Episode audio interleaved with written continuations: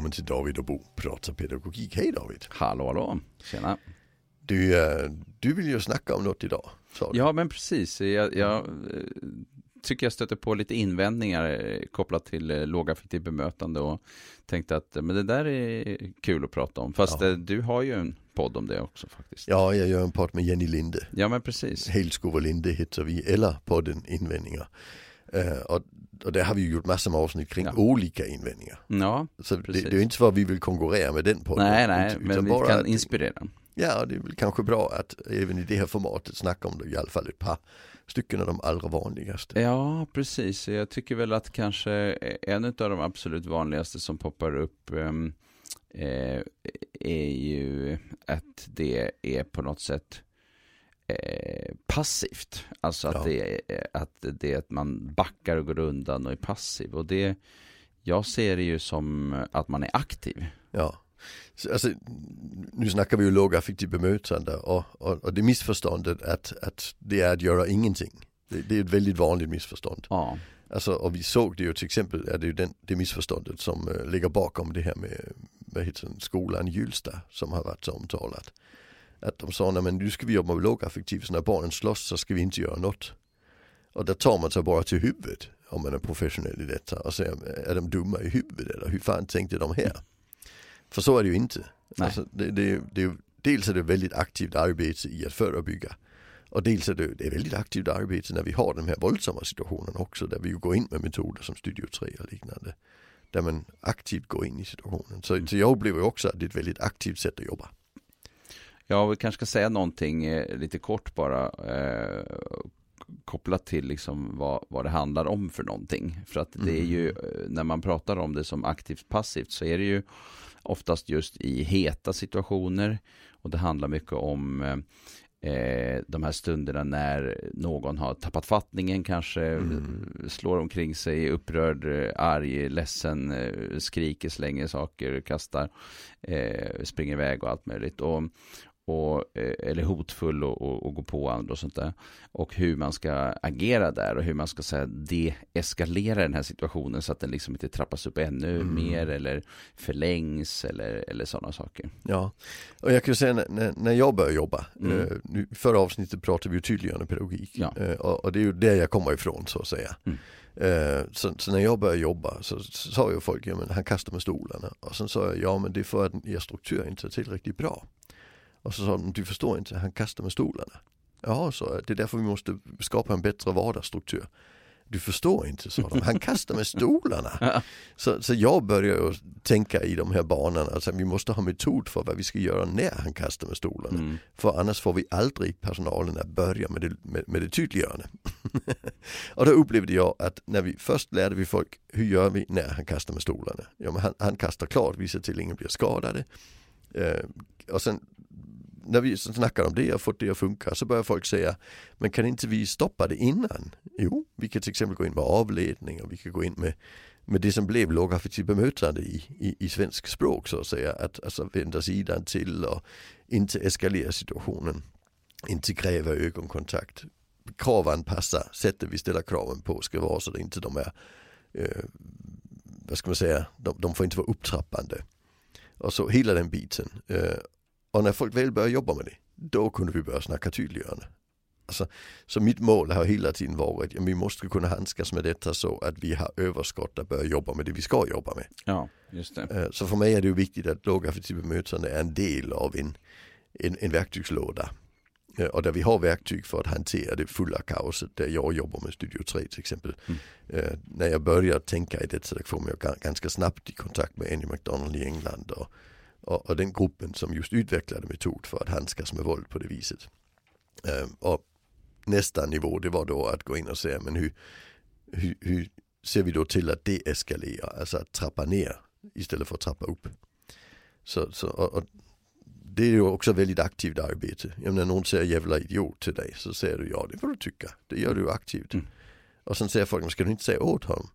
Och så brukar jag säga, men alltså alla de jag har jobbat med vet ju att man inte ska säga jävla idiot. Mhm. Alltså det, det hjälper inte att säga, det ska inte du säga till mig för det vet han ju.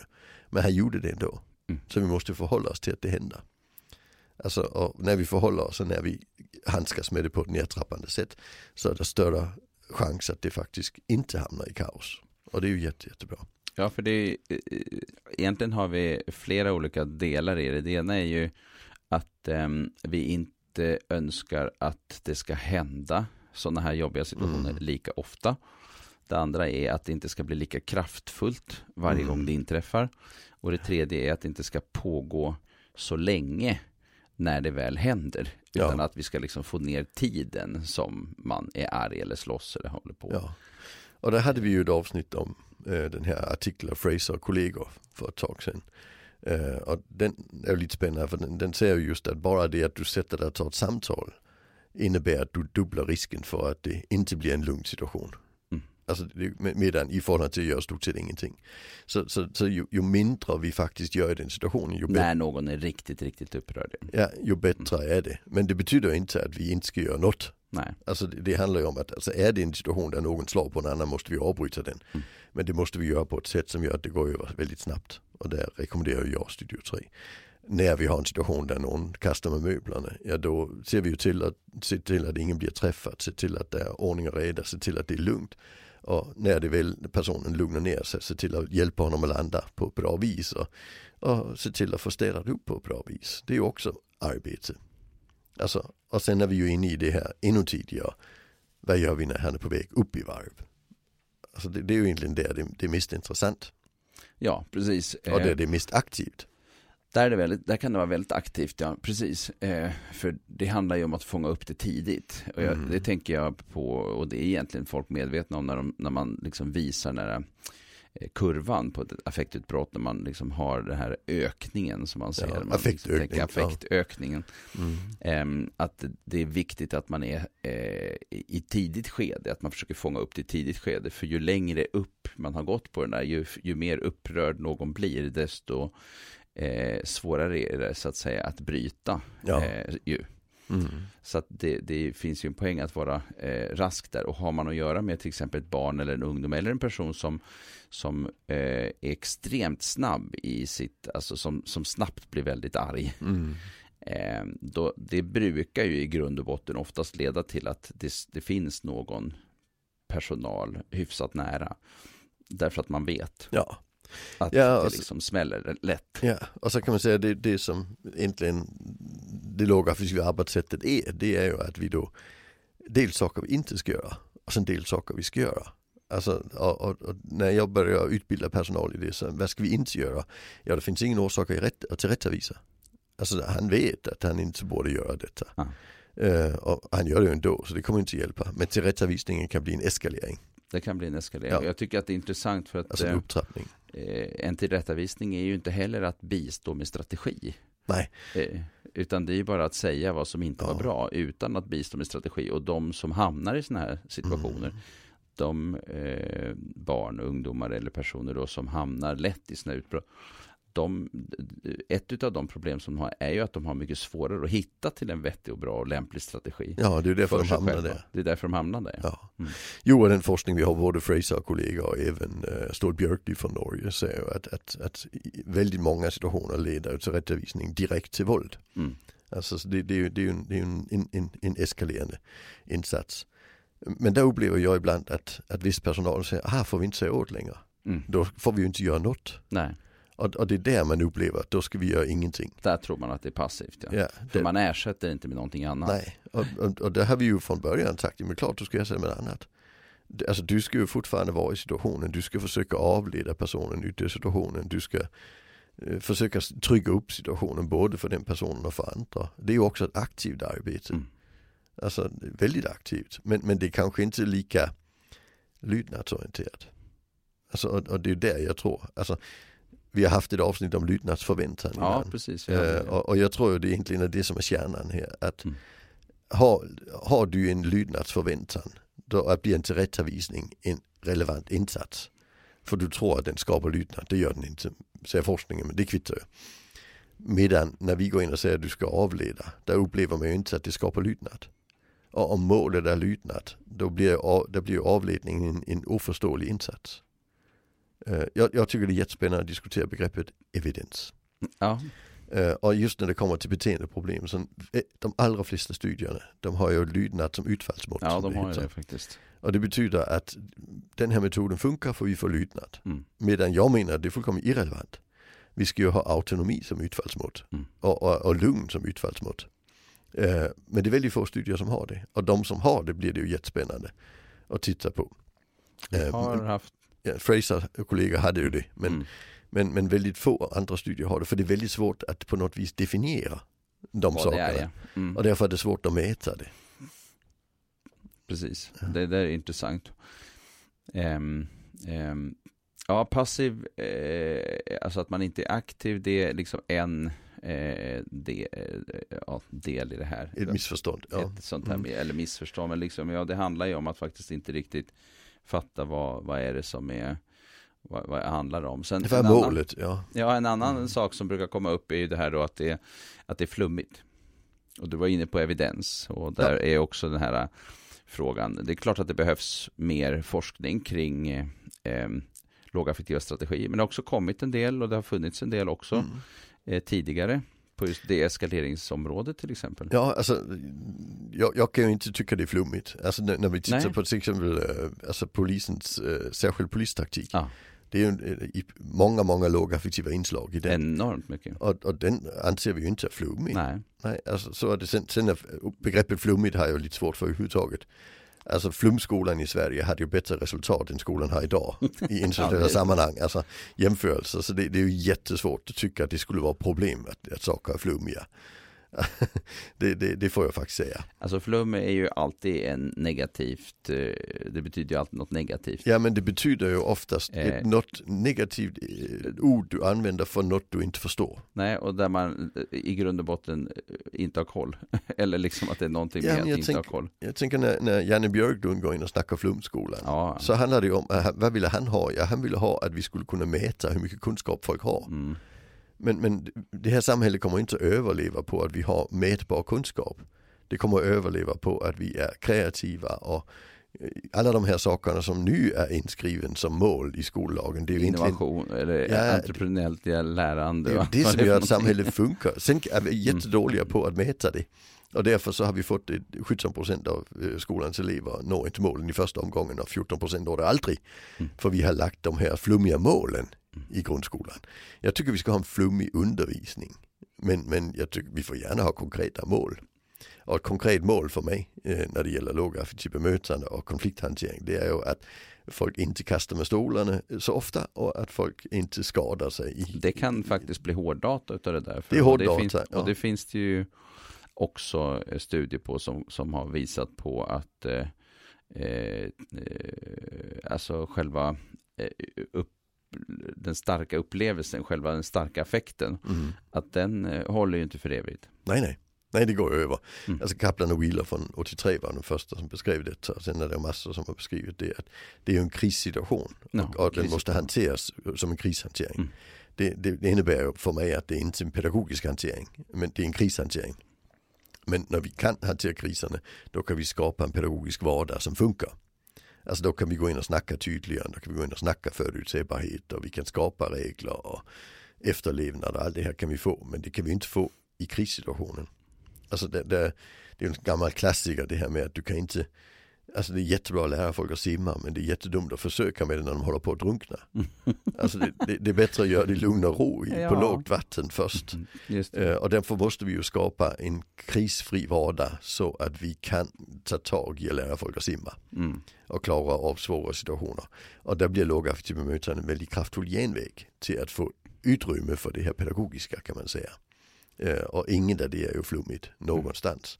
Men, men det kan upplevas som flummigt eh, för, den, för den som har lydnadsförväntan igen. Mm, mm. Så jag tänker alla de här invändningarna bygger jag på att det står en person utanför och tittar in och inte fattar vad vi sysslar med.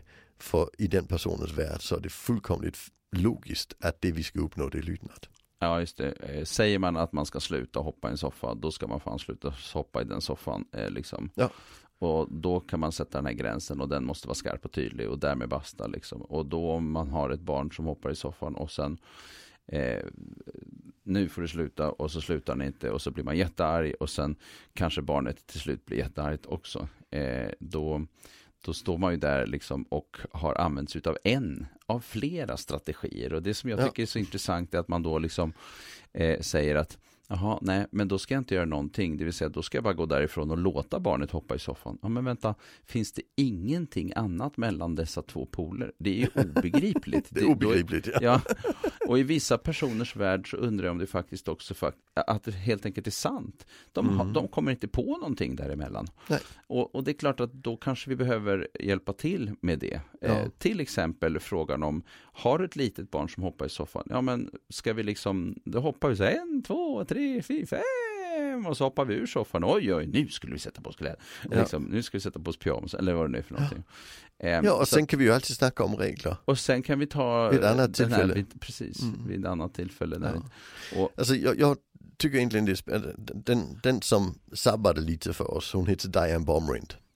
Och hon var ju barnforskare på 60-talet. Och hon beskrev ju detta med att Tre varianter, auktoritär, auktoritativ och det här lite låt gå eller laissez ja, och, och låt gå eller laissez det är ju då att göra ingenting. Mm. Auktoritärt det är att säga åt på skarpen. Ja. Och sen sa hon vi ska ligga mitt emellan. Ja, auktoritativt. Ja.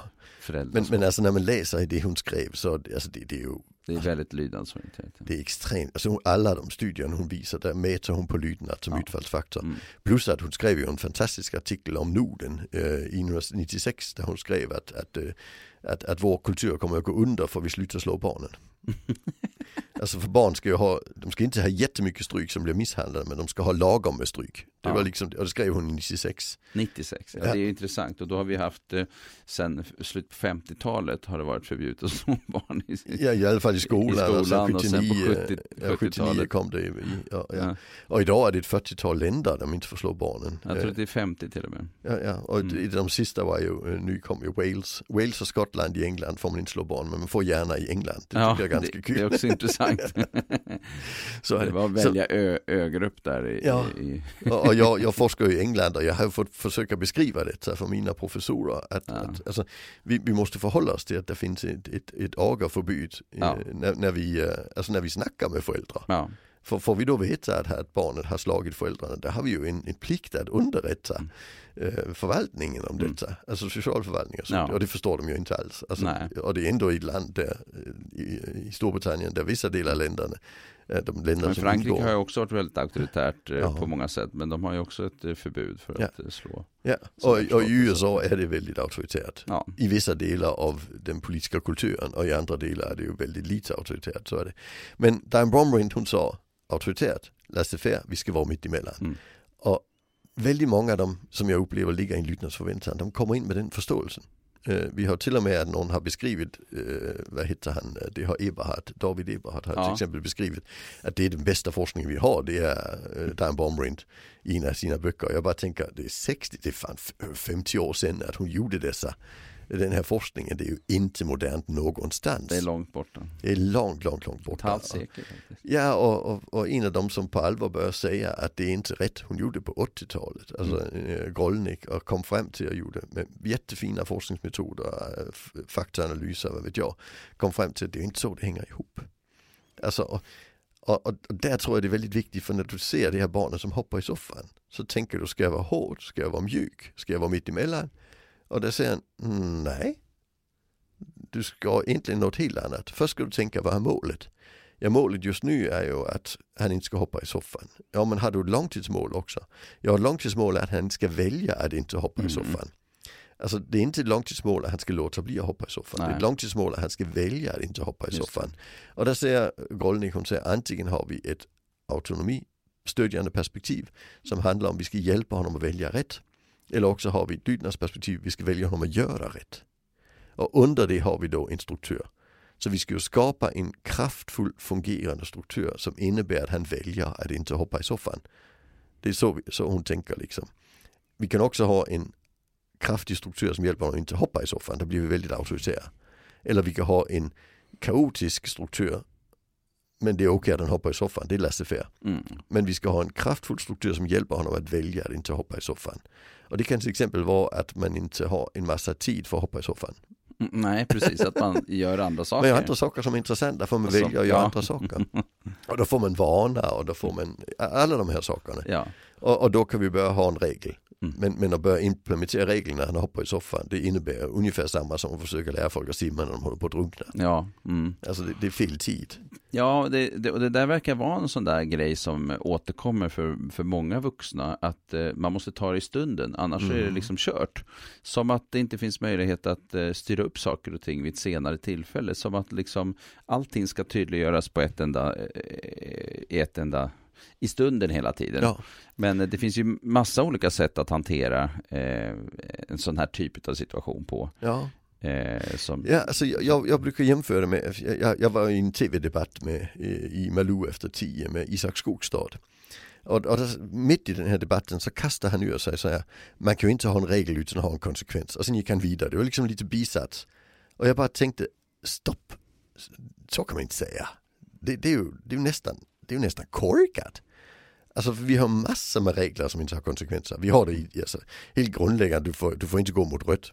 Mm. Men, men du blir inte straffad för det. Nej. Alltså, I Polen är det värre. Ja, ja. Där måste man vara noggrann. Ja, I Danmark kan man få böter 100 spänn för det Jaha, också. också. men, men, men det väljer vi att ha inte här. Vi har, och det är ju, Nej, det är ju på regler, alltså, sen har vi ju alla de andra reglerna. Mm. Alltså du får inte kalla folk idiot hur som helst. Men, men om, om du går på, på, på din vanliga mataffär, där sitter en, en, en tant i kassan och ni börjar bråka, hon kallar dig jävla idiot. Mm. Alltså då är det ingen konsekvens för det. Mm. Alltså du får inte kalla henne jävla idiot heller, men det är ingen konsekvens för det. Alltså det, det är ingen som skulle få för sig att vi ska göra det olagligt och, och bråka med folk och kalla dem öknamn liksom. Mm. Alltså det skulle vara ganska allvarligt för att du skulle kunna straffas för det. Mm. Alltså men ändå så de flesta av oss gör inte det. Alltså för det, idén utgår ifrån att vi alla styrs av regler. Och i verkligheten styrs vi av de här sociala eh, mekanismerna. I förhållande, I förhållande till varandra. Ja. Mm. Så när vi har en regel att han inte hoppar i soffan så är det ju i ett autonomistödjande perspektiv så ser vi vi har en regel, han får inte hoppa i soffan, han hoppar i soffan ändå. Då får vi ta reda på hur vi kan ändra sättet vi jobbar på så han väljer att inte hoppa i soffan. Mm. Mm. Istället för att tänka, där ska vi få honom att sluta hoppa i soffan mm. genom att göra det så otrevligt för honom när han hoppar i soffan. Mm. För då är vi inne i en att styra istället för att, att stödja. Vi har ju den här korridoren som alla barn springer i eh, på skolor till exempel. Som är intressant. Och alla dessa vuxna som eh, säger till och, och hojtar på sina ja, man får elever. Man får inte springa i korridoren. Men Nej. det är ju få skolor där jag upplever att man har lagt in en konsekvens. Alltså i de man har gjort det, det är ju när man har lagt in någon typ av belöningssystem eller liknande.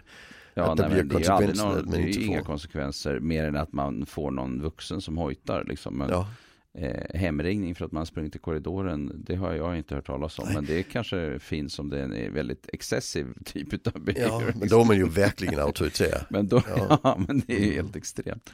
Men, men alltså det enklaste sättet att få barn att sluta hoppa, alltså springa i korridoren, det är att vänta tills de fyller 14. Eh, ja, eh, ja. eller bygga om korridoren. Ja, det är ju det näst enklaste sättet. ja, precis.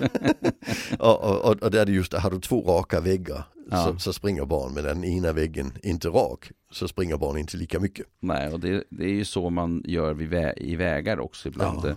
Att man sätter någon liten blomstergrej på ena sidan i vissa ja. områden och sen sätter man en liten blomstergrej i den andra sidan. Liksom. Ja, precis. Och sådär. Så länge som ja. ambulans och brandkår kan komma fram. Bussar, liksom. vad vet jag. Ja, precis.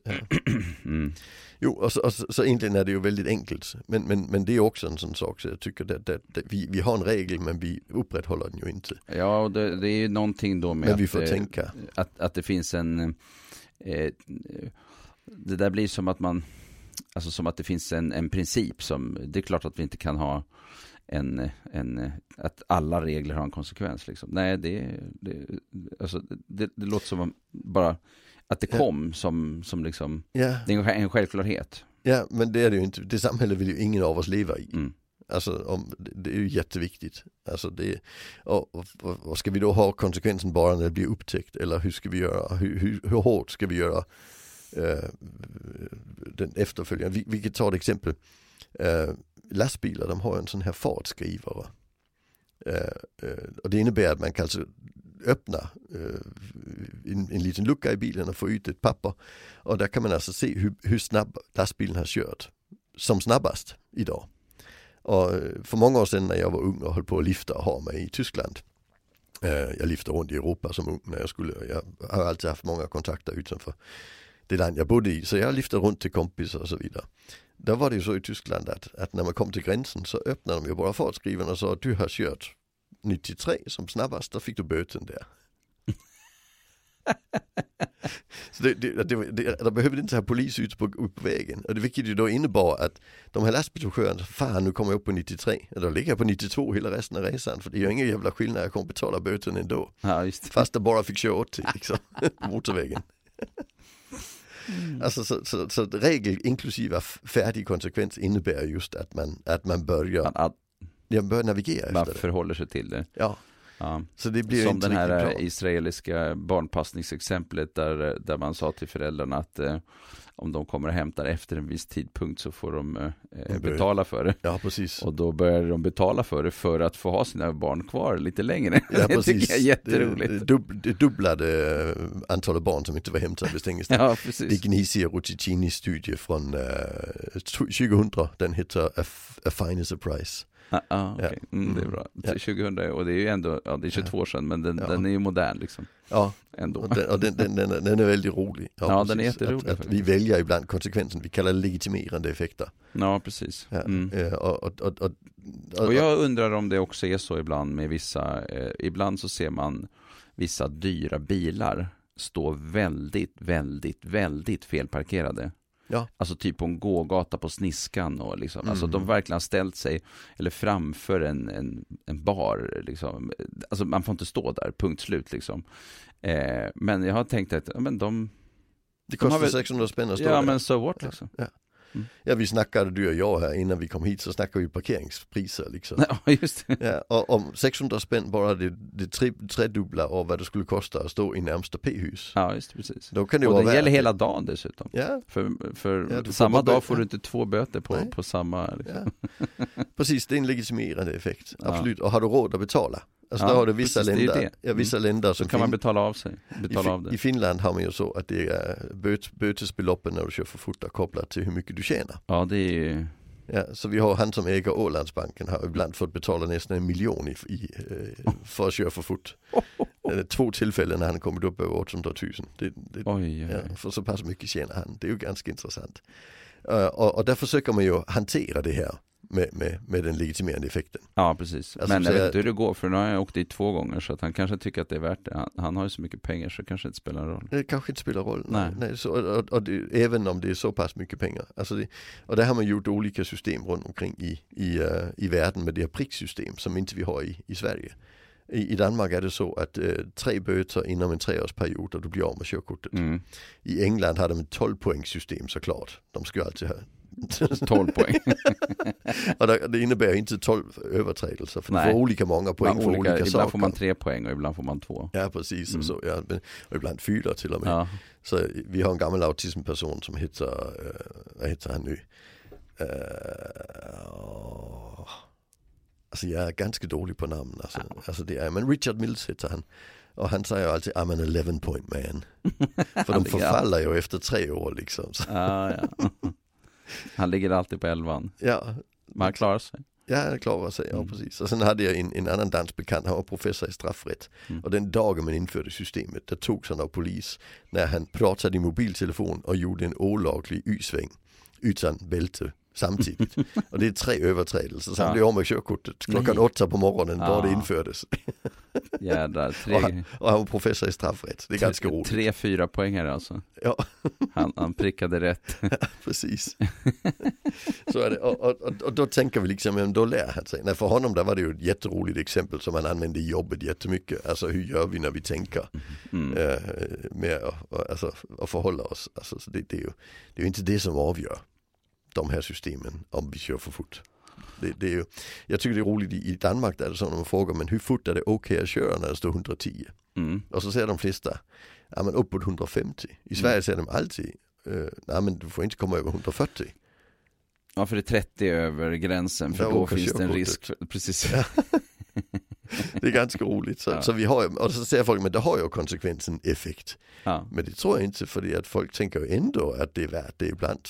Mm. Alltså om för folk att köra 110, vad skulle det till för det? Det skulle ju vara jättebesvärligt och folk skulle ju fortfarande göra det. Vi har ett annat roligt exempel, en av mina barndomskompisar. Jag pratade om honom när han var 17. Så sa jag, ska du börja ta körkort nu? Nej, sa han. Finns ingen möjlighet. Så sa jag, varför inte? Han hade tagit fem gånger för att köra bil utan körkort. och varje gång så får man ju en, alltså, så blir det en tvåårig eh, försening av körkortstillståndet. Så han var tio år efter, så det Nej. var 28. Så han sa så, jag bara kör det. Jag kan inte, över, jag kan inte överblicka fram till jag fyller 28. Ja, jag sitter där som pensionär och han har kört hela livet har han. Ja, ja precis. Ja, det gick ju som det gick för honom, han suttit lite i finkan och så Ja. också under åren. Men det är så är det ibland med ADHD. Mm, mm. Men det intressanta med detta det är ju att för de som inte kan följa regeln, som inte lyckas med det, så blir ju de här konsekvenserna fullkomligt meningslösa. Det är intressant med betygssystemet också då man tänker liksom att eh, alltså vi, vi ser ju inte att de här som har F blir så triggade att liksom Nej. Alltså det är för svårt att komma till E så att man skiter i det så man ger Ja. upp liksom. Alltså vi, vi kan ju se på betygssystemet så även de som får E har ju ingen nytta av betygssystemet. Mm. Alltså det är bara de som får A i Ja, princip det är- som har nytta av det. Det är en ganska liten grupp som Ja. har det. Så, så någonstans på 10-15% har, har nytta av att känna sig sparade av systemet. Ja. Eh, och sen har vi ju en del, eh, de, de, inför ett nytt system i Danmark nu som är ganska intressant. Mm. I Danmark har man ju ett, ett för svenskar fullkomligt oförståeligt betygssystem. Vi har 10 steg, eh, 12 är det högsta och jag tror det är minus 3 eller minus 5 som är det Oj. lägsta. Och sen eh, kommer man ju in på utbildningarna på sitt betygsgenomsnitt. Alltså så, så det är ett genomsnitt man räknar ut. Mellan minus 3 och 12. Ja, och, och när jag gick i skolan var 0 det lägsta och 13 det högsta. Mhm. Men det var 10 steg så det var till exempel ingen 12 Nej. Och 13 var ett överbetyg så det skulle man bara få i extrema specifika fall. Så på en skola skulle det kanske falla 1-13 i, i varje ämne. Alltså det var ungefär den nivån liksom. Och, och, och det var ju roligt, jag fick faktiskt ett par 13 eh, i grundskolan, jag fick Ja. till och med i gymnasiet. Alltså, så det var, det, men nu är jag också blivit psykolog, alltså, Ja. det kräver ganska höga betyg. Så det var lite häftigt, men man skulle kunna mycket, mycket mer än det som stod i läroplanen för att få 13. Ah. Och då fick danskar lite problem i utlandet. För att 13 räknades ju inte i utlandet. Mhm. När man skulle söka in på utländska Nej. universitet och så, så fick man inte nytta av det liksom. Så därför gjorde man om systemet så 12 var det högsta och plötsligt kunde väldigt många fler få 12. Mhm. För då var det liksom, det är det högsta betyget och det motsvarar en femma i gamla svenska systemet, ett A i svenska systemet. Eller lite mera kanske då. Nej, 12 ska, det ska motsvara det. Jaha. Ja, Men sen- vad är 10 då? Ja, det, det, är ju, det motsvarar 4,5 i det svenska systemet. Aha, okej. ja. Mm. och, och sen 4, det är då, det är då en, en sjua. Ja, ja. Eh, och så vidare. Alltså det, det, det, det är ett sånt system. Så det, det, det är lite, lite mer graduerat. I en del engelsktalande länder hade man ju också 1-10 betyg. Ja, Frankrike var 1 till 20 har de väl haft. Ja precis. Så, så det, det kvittar vad det är. Men, det, men man- man har de här olika betygen för att få en variation ju. Ja. Men det har man nu in, ska man nu införa, det är inte infört än, men det kom en, en, en utredning på det i veckan. Att eh, alla som har ett genomsnitt över 9 ska vara behörig till alla utbildningar. Mhm. Så det ska inte vara så att psykologprogrammet, att där behöver man ha 12 i genomsnitt för att komma in. Mm. Utan det ska räcka med 9. Och så är det lottning sen. Ja, sen måste man ha ett, ett, ett ämnesspecifikt eh, upptagningsprov. Och det handlar just om att säga alla som har ett genomsnitt på 9, de, de genomför sina utbildningar bäst. De som har ett genomsnitt under 9, där är det mer avhopp. Så det finns ju ingen orsak att säga att alla ska ha 12.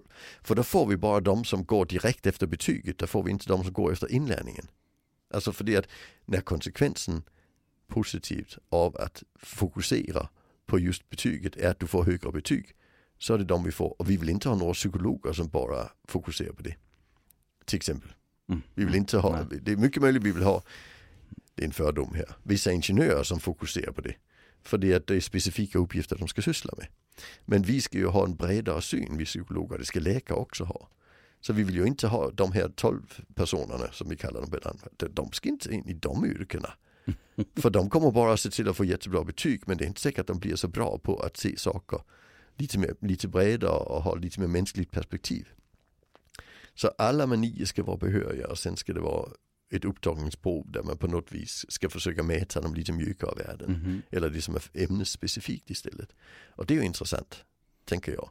För då man ju ut över det här sättet vi annars tänker på när vi tänker rakt i Sverige. Just det. Mm. Ja, det är, intressant, det är intressant med de här olika systemen och hur de liksom, eh, eh, vad som ligger bakom dem och hur de också styr Ja. eh, på en massa olika sätt. Mm. Ja. Och, och, och där kan vi säga att, att vi får konsekvenser av att tänka, ska vi säga linjärt, lydnadsorienterat, betygsfokuserat och så vidare. Eh, Så vi ska försöka ta oss undan. Och vi ju kommit väldigt långt från den här invändningen. Men jag tror ändå vi behöver ha den breda bilden för att förstå det. För det, Ja. är, det, här, det är komplext. ja, det är komplexa Och, saker. och, och det är därför vi får invändning från folk som inte ser det komplexa. Nej. De ser något väldigt, väldigt enkelt. Ja, och de tycker att en gräns är en gräns är en gräns. Liksom, lite så. Och, och så enkelt är det ju inte. Nej, det är inte så. Nej. Yes, Ja. Vi hamnar lite här och var idag på ett spännande sätt, men det hör ihop. säga. Ja, Mm. men vi tackar för idag och eh, på återhörande. ja, det får vi göra. Tackar. Hej hej.